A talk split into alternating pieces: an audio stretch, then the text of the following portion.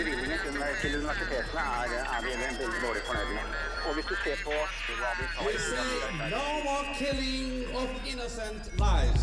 Ja, det, den saken eh, tapte vi i Soria Moria-forhandlingene. Det var aldri Men hvorfor tapte dere når alle er enige om det? Eh, Nei, det var ikke så stor enighet som det kunne Jeg tror du møter den tradisjonelle brytningen mellom individets frihet og samfunnets ønske om beskyttelse. Lokalt, nasjonalt, internasjonalt. Nyhetsdialog går i dybden. En undersøkelse viser at én av fem studenter er ensomme. Velferdstinget søker 4000 hybler på finn.no. Og NSO og Sp HiOA diskuterer digitalisering av undervisning for høyere utdanning i Norge. Du hører på Studentnyhetene fredag 15.1 klokken er 11. Hei og velkommen til Studentnyhetene. Mitt navn er Sarbek Sørensen, eh, og med meg i studio har jeg reporter Skelshim Bunyaku. Og på teknikk så har vi Isak Ree. Nyhetsfredag går i dybden. Studentparlamentet ved Høgskolen i Oslo og Akershus har tidligere uttalt at de vil revolusjonere undervisningen med, di med digitalisering, og avvikle den klassiske forelesningsformen. Norsk studentorganisasjon har også uttalt at alternative undervisningsformer bør utforskes. I en studentundersøkelse fra november i år, utført av Sentio for NSO og Universitas, viser at de fleste studenter er fornøyde med foreleserne sine.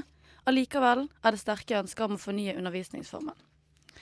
I denne anledning har vi fått besøk av eh, leder ved studentparlamentet ved HiOA, Kristoffer Alsvik. Hei. Hei.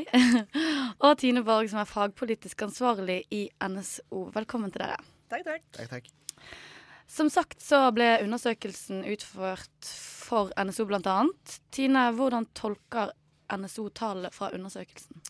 NSO er egentlig generelt sett ganske fornøyd med de svarene som har fått. Nå har jo jeg for min del mest ansvar for på en måte, de fagpolitiske spørsmålene som går mye på dette med undervisning og digitalisering og alt det som du egentlig nevnte. da. Eh, og der er vi egentlig ganske godt fornøyd med de svarene som har kommet. Det er jo noe som eh, selvfølgelig ikke er like overraskende. F.eks. Eh, bruken av klassiske forelesningsformer. Da. Der var jo prosenten relativt høy, og det forventet vi også i forkant. da. Um, leder av NSO, Therese Lerøen, mener at dagens system gjør studentene til passive mottakere til kunnskap, heller enn aktive bidragsytere i å skape kunnskap for seg selv. Hva tror du Lerøen mener med dette, Kristoffer? Vel, um, det er jo forskjellige former for læring som man kan uh, snakke om. Det ene er uh, passiv læring, og det andre er aktiv læring.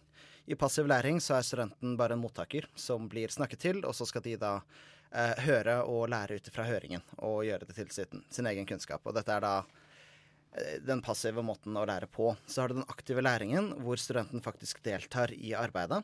Ehm, det kan være gruppearbeid, arbeid med caseoppgaver. Det kan være diskusjon med foreleser, eller diskusjon studenter iblant. Uh, hvor da um, studenten konstant må bruke kunnskapen den får, til å faktisk ta også eh, Eller reflektere rundt den og faktisk bruke den i læringen. Da. da lærer man gjennom at man aktivt jobber med den kunnskapen som man tilegner seg. Eh, og det viser jo uh, Det er ganske godt dokumentert at eh, dette gir bedre uh, læringsutbytte for studentene. Er du enig med det, Tina? Altså, jeg er jo enig i disse refleksjonene som kommer fra min venstre side her. Eh, så det eneste som på en måte, NSO anser som kanskje det største problemet, er jo at det i veldig stor grad er denne passive læringen. At man sitter bare og mottar masse informasjon uten å bearbeide og reflektere over det selv. Og da er det jo, skal man bli på en måte, denne kritiske borgeren som man gjør av å ta høyere utdanning, da, så må man jo stille seg spørsmål om man blir det ved å bare motta kunnskap hele tiden. Som du sa sist du var her tidligere i høst, Kristoffer, så ønsker Sp HiOA å avvikle den klassiske undervisningsformen, som for, for øvrig har vært lik siden 1811. Eh, hvor realistisk er det? Eh, slik vi ser det, så er det noe som kommer til å skje før eller senere. Eh, siden det, det kommer nye eh, læremidler hele tiden. Det, kommer, eh, det blir stadig bedre dokumentert det at eh, mer varierte undervisningsformer og også bruk av digitale hjelpemidler i læring er en mer effektiv måte å lære bort på. Så for oss så ser vi det på det som et spørsmål om tid. Eh, og eh, slik vi jobber nå, så kommer vi til å få tilrettelagt eh, det at støtteapparatet rundt foreleserne eh, blir styrket, slik at det skal være lettere for foreleserne å gjøre denne endringen. Ja, for det er mitt neste spørsmål. På hvilken måte skal undervisningen digitaliseres? Det vi eh, jobber med, er også å få til et type støtteapparat hvor du har en kombinasjon av mennesker med, som jobber med pedagogikk og utforming av nye eh, læremåter, eh, og teknisk ansatte som kan dette her med medier og filmproduksjon. Eller da forelesningsfilmproduksjon. Um, eller undervisningsfilm, mener jeg. Teknisk sett, ikke forelesning. Men jo, um, det er da også å få satt de seg sammen og få de til å jobbe og uh, utvikle nye måter. Uh, eventuelt bare så styrke de man allerede har. Uh, slik at forelesere kan komme inn og, og jobbe med dette. Det er typen learning lab. Det har vi eksempler på allerede i Stavanger og på BI i Oslo. Mm. Eh, Tine, hva mener NSO om akkurat denne type utviklingen? Utvikling av di- digitalisering? Nei, altså digitaliseringsutviklingen er jo kjempebra, eh, og det må jo til. Altså, nå er det jo bare et par uker til vi er i 2016, men i høyere utdanning så lever vi jo typ i 1980, så det er jo på tide at en utvikling begynner å skje.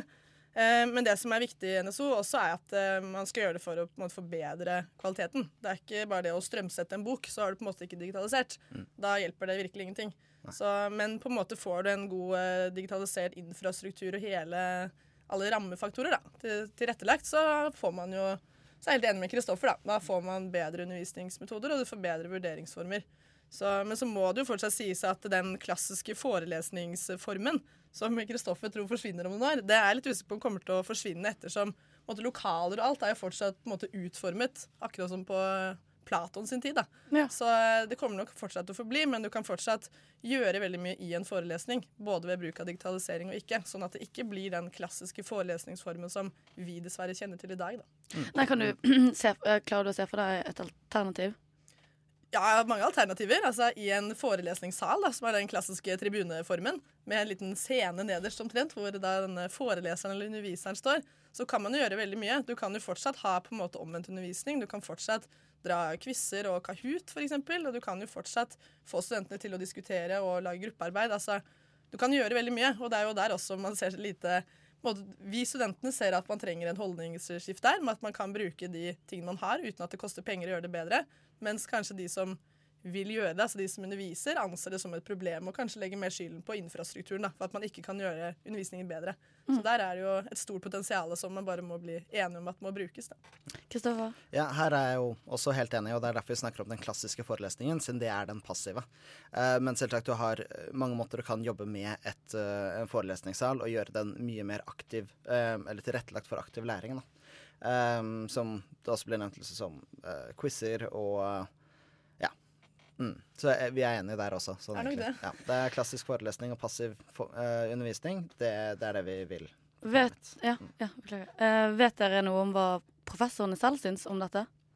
Det er nok veldig delt. Uh, Det er det. Det er jo, altså, si, det er jo en veldig treg sektor. Det er jo ikke noe å skyve under en stol. Eh, Men det er jo veldig mange som er med på det å fornye. Men så er det også mange som mener at sånn som det er i dag, er det beste. Eh, Og man skal jo ikke heller kimse at det som er i dag, er det beste i enkelte fag og enkelte studieprogram, for det er det jo.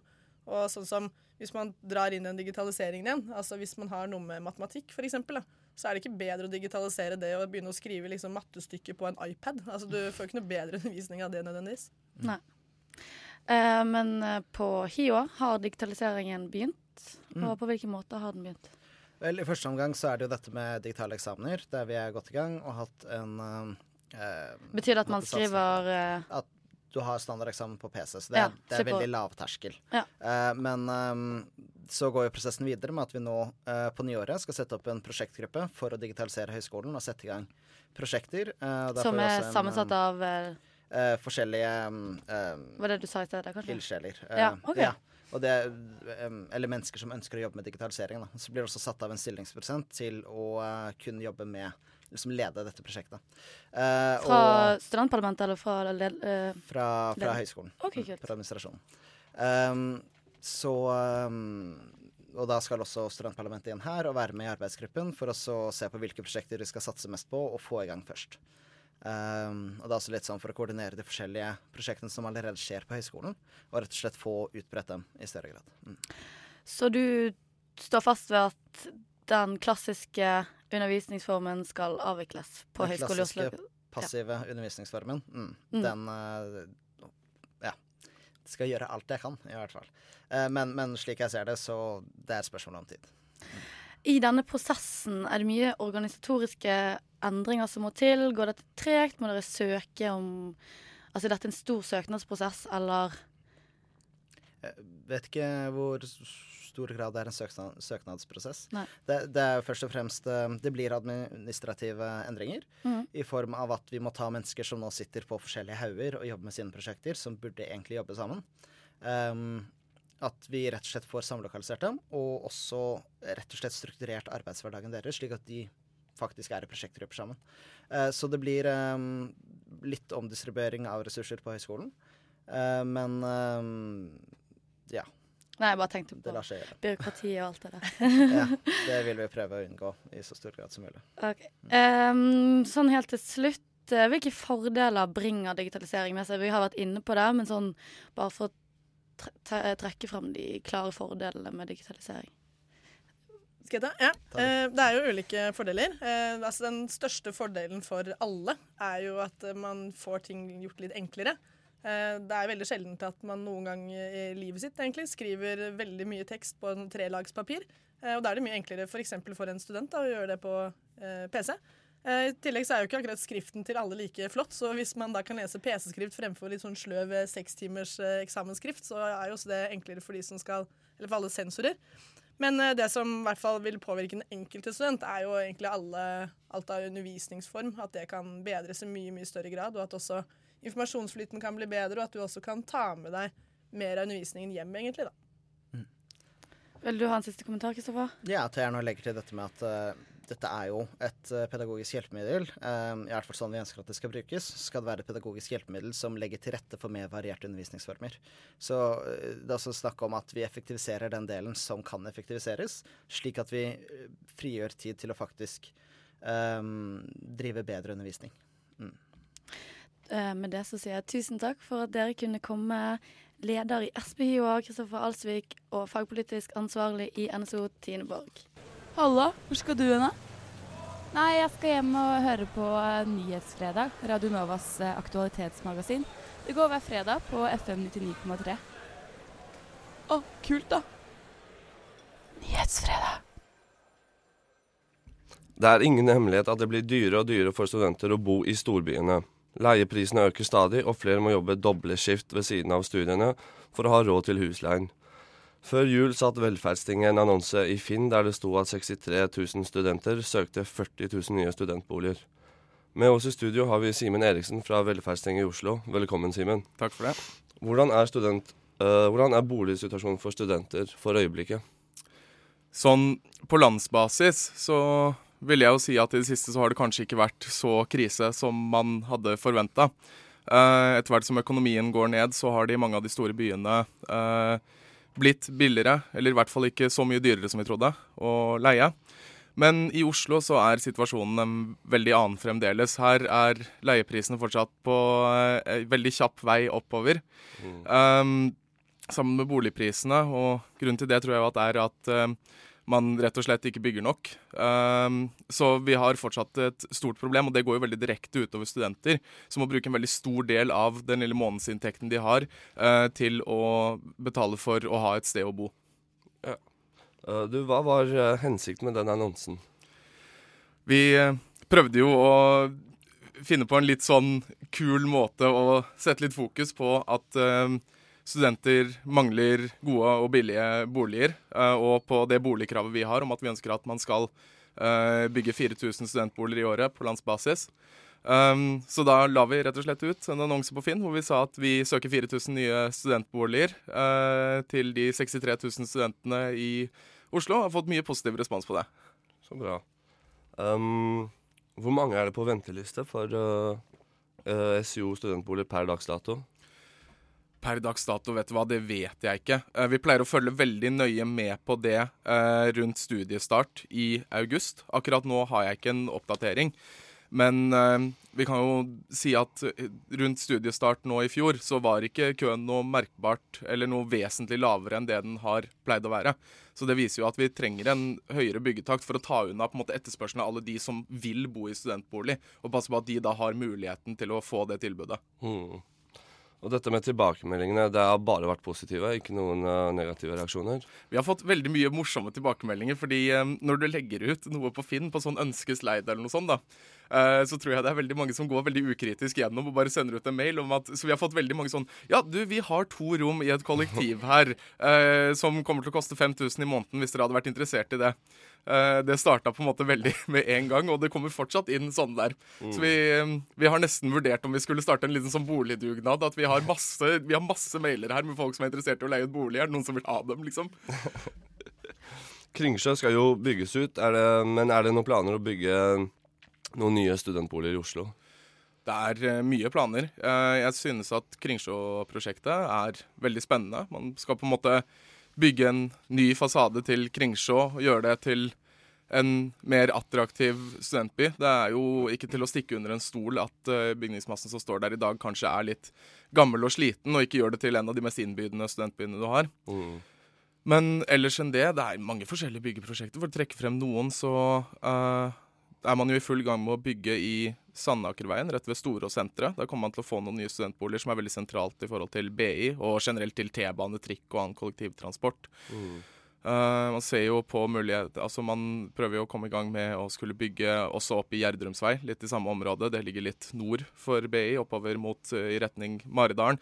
Det er generelt veldig mange prosjekter man har lyst til å komme i gang med. Det det står på først og fremst, er at man får uh, tilstrekkelig finansiering fra staten ja. og fra Husbanken til å kunne bygge disse boligene. fordi det er jo på en måte ikke sånn at med, at man sitter med noen uh, særlig uh, inntekt eller midler som gjør at man kan bygge det uten den støtten fra staten. Så det er det vi er aller mest avhengig av. En slik annonse er jo ufarlig og morsom måte å bringe et slikt problem på banen på. Men hvordan har dere tenkt at problemet kan løses? Altså, Først og fremst så er jo svaret at man må bygge mer. I Oslo så mener jeg at man må bygge mer generelt, uh, men man må særlig også uh, passe på at man bygger tilstrekkelig med studentboliger i en økende studentmasse hvor etterspørselen er veldig mye større enn tilbudet etter et sted å bo. Um, men det finnes også en del andre delløsninger til problemet. Det burde bli enklere uh, å bygge studentboliger. Det er jo sånn at Når man ønsker å bo i studentbolig, så ønsker man kanskje ikke nødvendigvis alle de samme liksom, nivåene av standard som uh, man ville ønske hvis man kjøper seg en, uh, en, bolig på det private markedet på Majorstuen. Så det er nok sånn at man skulle kanskje ikke vært stilt alle de samme kravene til til hva slags standard det skal være på det man bygger, som uh, man må ha ellers. Så det at studentboliger kunne hatt noen egne regler, eller bli fritatt for noen regler, tror jeg hadde vært veldig positivt. Og så eh, oppfordrer jeg også veldig kraftig Oslo kommune til å stille seg behjelpelig til å finne gode tomter. Eh, byrådet har jo sagt eh, tidligere i valgkampen at de ønsker å stille subsidierte tomter til disposisjon for SIO. Det er jo veldig bra, men da bør de i så fall også være i en beliggenhet som er et sted hvor studenter har lyst til å bo. Um, og man må på en måte passe på at man jobber med hverandre, da, heller enn mot hverandre når det gjelder det at man skal få bygget studentboliger, fordi det er et gode for, ikke bare for studentene, men for byen generelt. Ja. Tusen takk for at du kunne komme, Simen Eriksen. Selv takk. Hei, jeg heter Jonas Gahr Støre. Du hører på Nyhetsfredag. Følg med og ha en fin fredag og god helg. Emneknaggen er nyhetsredaksjonens debattprogram for studenter. Programmet sendes på onsdager klokken 18 og vi skal nå høre et utdrag fra debatten onsdag 13. januar. Eh, miljø og klima har preget store deler av media i 2015, og det er stor enighet i den norske befolkningen og blant politikere at vi må bli mer miljøbevisste. Men kan vi studenter tro på hvordan alt blir fremstilt i media? Kveldens program duker for debatt mellom klimarealistene og Miljøpartiet De Grønne. Um, uh. Emneknaggen? De er enige om at klimaet endrer seg, men om det skyldes menneskeskapte handlinger eller naturlige endringer, er de vidt uenige om. Med oss for å diskutere om søppelsortering og elbiler er unødvendig eller nødvendig, har vi tidligere leder av Klimarealistene og nåværende redaktør av magasin Klimanytt, Ole Henrik Ellestad, og bystyremedlem i Miljøpartiet De Grønne Oslo, Eivind Trædal. Velkommen begge to. Takk, takk. Eh, begrepet 'det grønne skiftet' Eivind, er blitt godt brukt det siste året. Eh, kan du forklare hva det betyr, og hva innebærer det egentlig?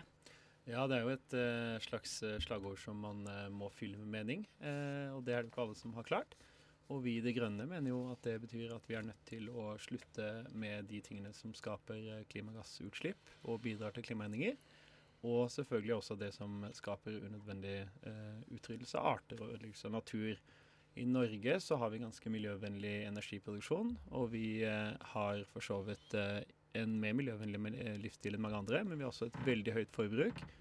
Og vi kjører mye bil, vi flyr mye, og så har vi nødvendigvis da en gigantisk oljebransje som vi er nødt til å gjøre noe med. Som allerede er i trøbbel nå, da, fordi olje ikke er fremtidens energi. Så for oss betyr det grønne skiftet at vi må bort fra olje, bort fra bilkjøring og flyving, i hvert fall på fossilt energi. Og vi må redusere det materielle forbruket vårt. Hva mener du om det grønne skiftet, Ole Henrik? Hva betyr begrepet for dere? Ja, jeg har jo jobbet mye med miljø, og det er mye som uh, kan gjøres for å bedre miljøet. Uh, klimarealistene er enig i det, slutter seg i stor grad til det. Man kan diskutere tiltak på demokratisk vis. Noen tiltak er bedre enn andre. Og det er en god debatt. Det vi reagerer på, det er jo at klimaet trekkes så sterkt inn. Klimaet har variert så lenge kloden har eksistert. Vi har mye data for de siste 600 millioner år, og der har det gått opp og ned. Dagens variasjoner er langt innenfor yttergrensene, og de er også innenfor grensene av hva som har skjedd eh, etter den siste istid. Vi skal være klar over at uh, under den varmeste delen for noen tusen år tilbake, gjennom en flere tusenårig periode, så var kloden varmere, og Norge var varmere. Det var ikke breer. Og temperaturen var to til tre grader varmere. Og da var det faktisk slik beretningene og skal vi si, arkeologi og andre geologiske data viser, så var det bra og levelige forhold i Norge og på kloden. Så sånn sett så er jo ikke vi så redd for eh, bagatellmessige eller beskjedne endringer som skyldes uh, menneskelig påvirkning. Enten det er uh, at man lager jordbruksområde og dyrkningsmark av natur osv., eller uh, om man slipper ut litt mer CO2. Tross alt, CO2 og vanndamp, det er livets gasser. Det er det som gjør at det er liv på jorda. For du nevnte, Eivind, du nevnte mm. eh, flyving og, ja. og, bilkjøring og sånn. Eh, og CO2-utslipp. Men da, da, er det riktig å si at dere mener at CO2-utslipp er grunnen til klimaendringene? Ja, altså det er jo ikke en ideologisk standpunkt vi har inntatt, men det er jo den gjengse eh, oppfatning eh, blant forskerne på feltet, og vi støtter oss på det.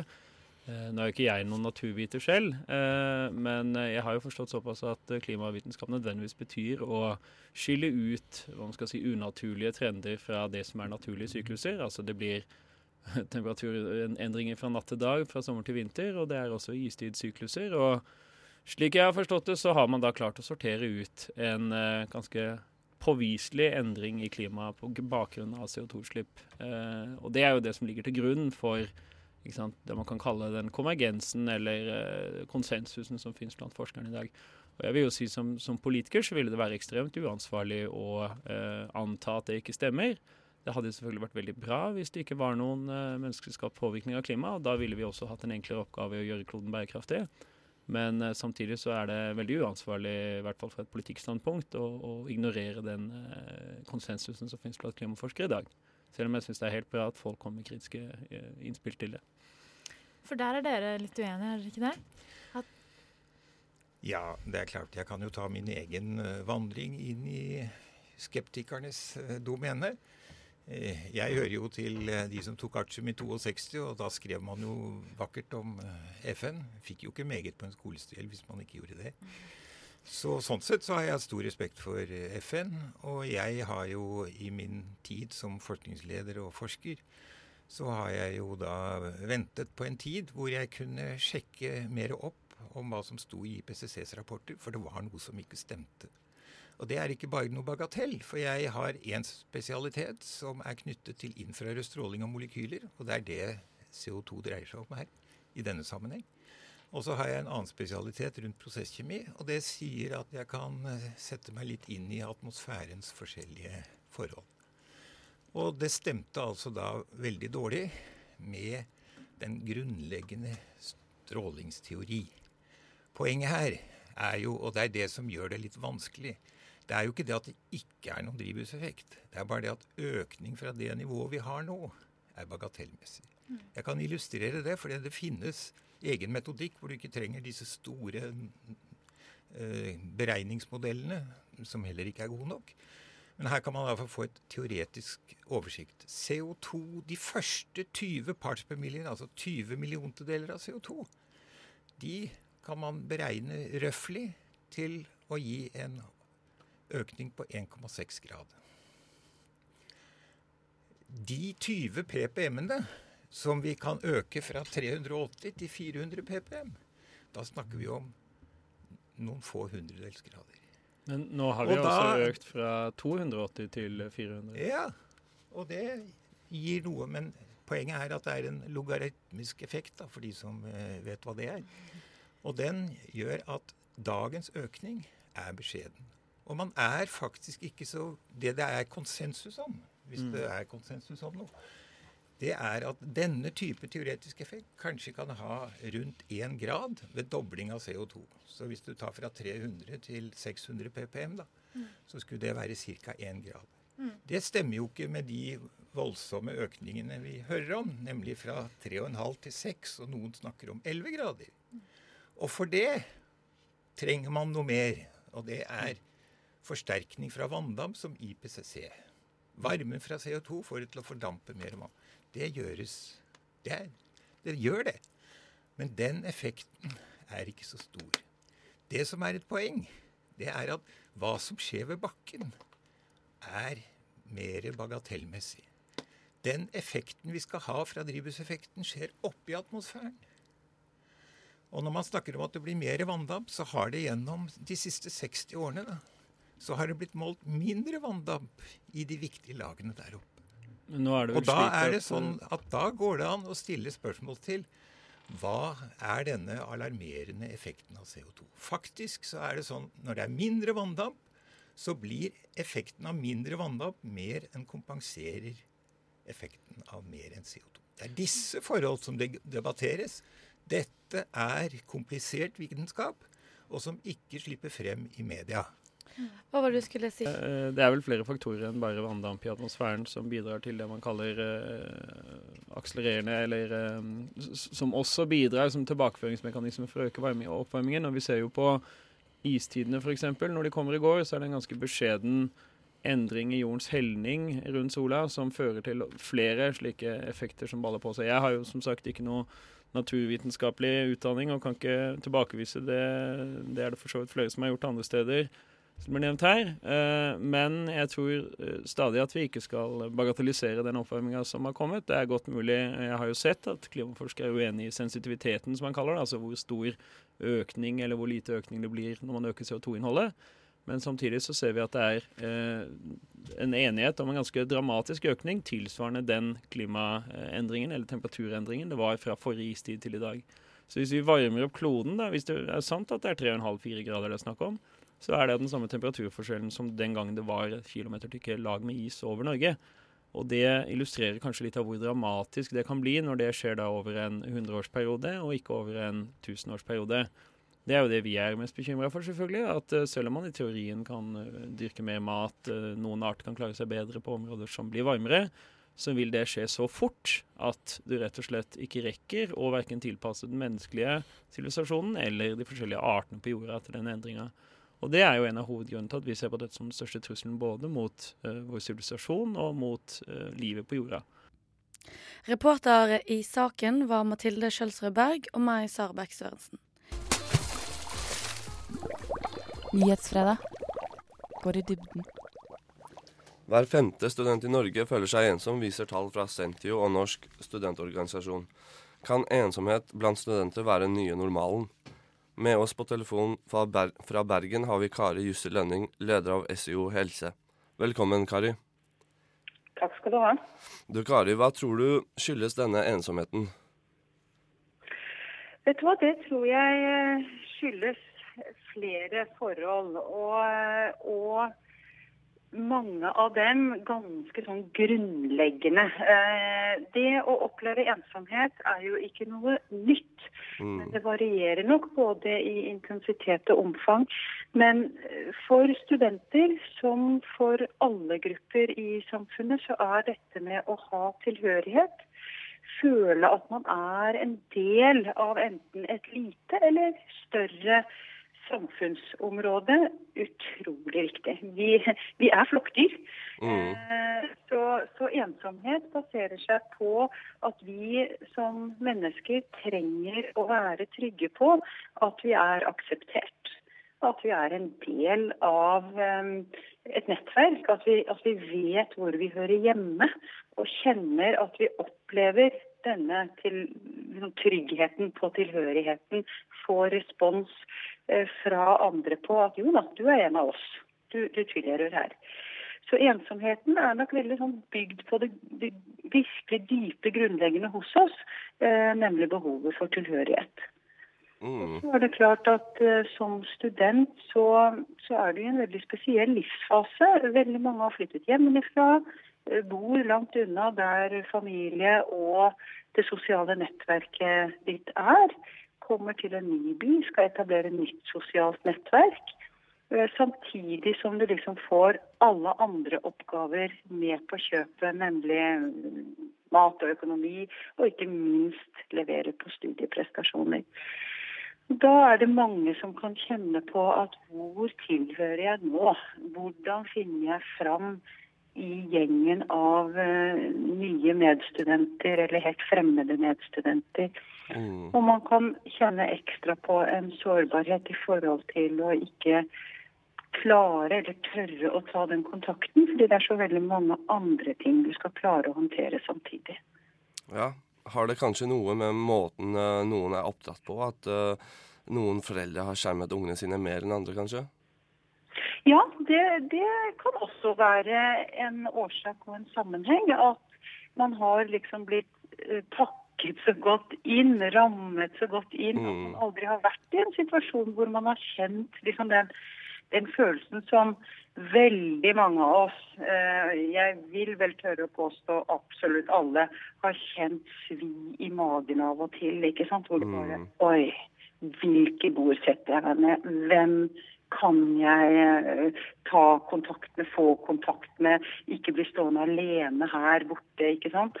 Um, sånn at det å ikke ha erfart eh, og fått bygd opp en indre trygghet på at det, det er en ganske vanlig del av et liv, og også kunne komme i situasjoner hvor du, du ser at du står alene eller kjenner på ensomhet. Eh, Det kan nok gi studenter eh, en ekstra utfordring i overgangen til å klare seg selv. Mm. Og disse tallene er ganske høye. Eh, Hva kan utdanningsinstitusjonene gjøre for å senke de tallene, og kan de gjøre noe i det hele tatt? Mhm.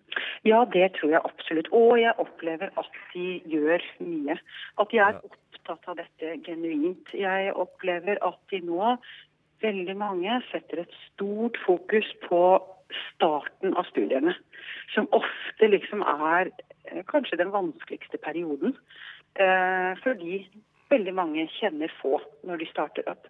Så jeg opplever at mange av studiestedene har både tatt kontakt med oss for å få mer informasjon og kunnskap om hvordan å møte studenter, ta vare på studenter, og legge til rette for at de første dagene, de første ukene, eh, absolutt skal ha fagfokus, men også et sosialt fokus. Sånn at, eh, sånn at studentene liksom kommer godt i gang med å tørre å knytte nye kontakter. Statistikken viser at eh, kvinnelige studenter er mer ensomme enn mannlige. Hvorfor tror du kvinner er mer ensomme enn menn? Jeg tror, tror eh, det er ganske sammensatt. I vår SHoT-undersøkelse så viser det faktisk motsatt. Okay. menn gir uttrykk for å være mer ensomme enn kvinner. Så det er nok litt sånn også at det, det kan variere fra undersøkelse til undersøkelse. Eh, og viser jo også litt hvor vanskelig temaet er. Eh, fordi det kan være sånn at, eh, at kvinner i mange sammenhenger, eller jenter, har lettere for å sette ord på følelser. Man setter ord på vanskelige følelser. Det å tørre å si at man er ensom, det, det er ganske vanskelig. Eh, ikke på teoretisk plan, men når du skal liksom snakke om deg selv. Ja. Eh, å si og gi uttrykk for det gir jo en veldig sårhet. Um, og, og eh, kanskje har kvinner lettere for å sette ord på det, og har gjort det i den undersøkelsen.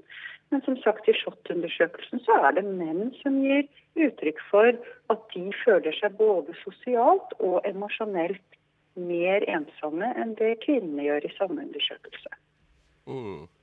Og til slutt, har du noen tips og råd eh, til studenter eh, som sliter med dette? Ja, absolutt.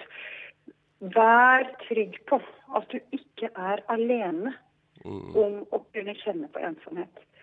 Eh, Vi møter så utrolig mange studenter som tror at de sitter alene med dette. Og så ser vi jo at det er veldig mange som har akkurat den antagelsen og den bekymringen med seg. Vær trygg på at du ikke er alene om å kjenne på den vanskelige følelsen å være ensom. Nå hjelper jo ikke det deg noe, men det kan gi liksom et utgangspunkt hvor man senker skuldrene litt. Og så er det noe med å også bruke den kunnskapen til å tenke at det er ikke bare for min del jeg kanskje skal prøve å tørre å ta kontakt. Men kanskje jeg kan tenke at det også er for den andres del. Eh, fordi den kan faktisk stå der og være like ensom, eller sitte ved siden av meg på, i auditoriet og være like ensom. Tør å ta kontakt. Finn muligheter til å, å tørre å virkelig dytte deg selv inn hvis du syns det er vanskelig. Til å, å si hei eller spør, stille et spørsmål, prøve å få i gang en dialog.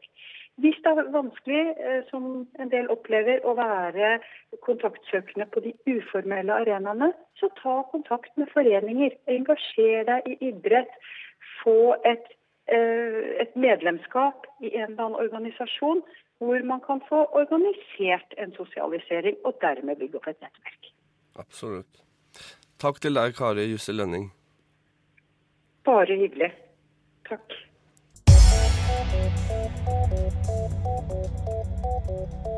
Nyhetsfredag går i dybden.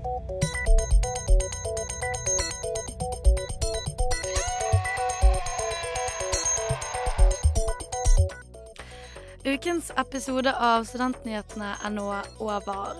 En stor takk til dagens gjester, og takk for oss. Mitt navn er Sara Bekk Sørensen, og med meg i studio har jeg hatt eh, Skelshim Bunyaku, og på teknikk Isak Ree. Studentnyhetene er tilbake neste fredag klokken 11. Etter oss kommer eh, Etter oss i dag kommer eh, radiotjenesten etterfulgt av Klagenemnda. Men først noen eh, ord fra ansvarlig redaktør i Radionova, Bjørnar Haugrud.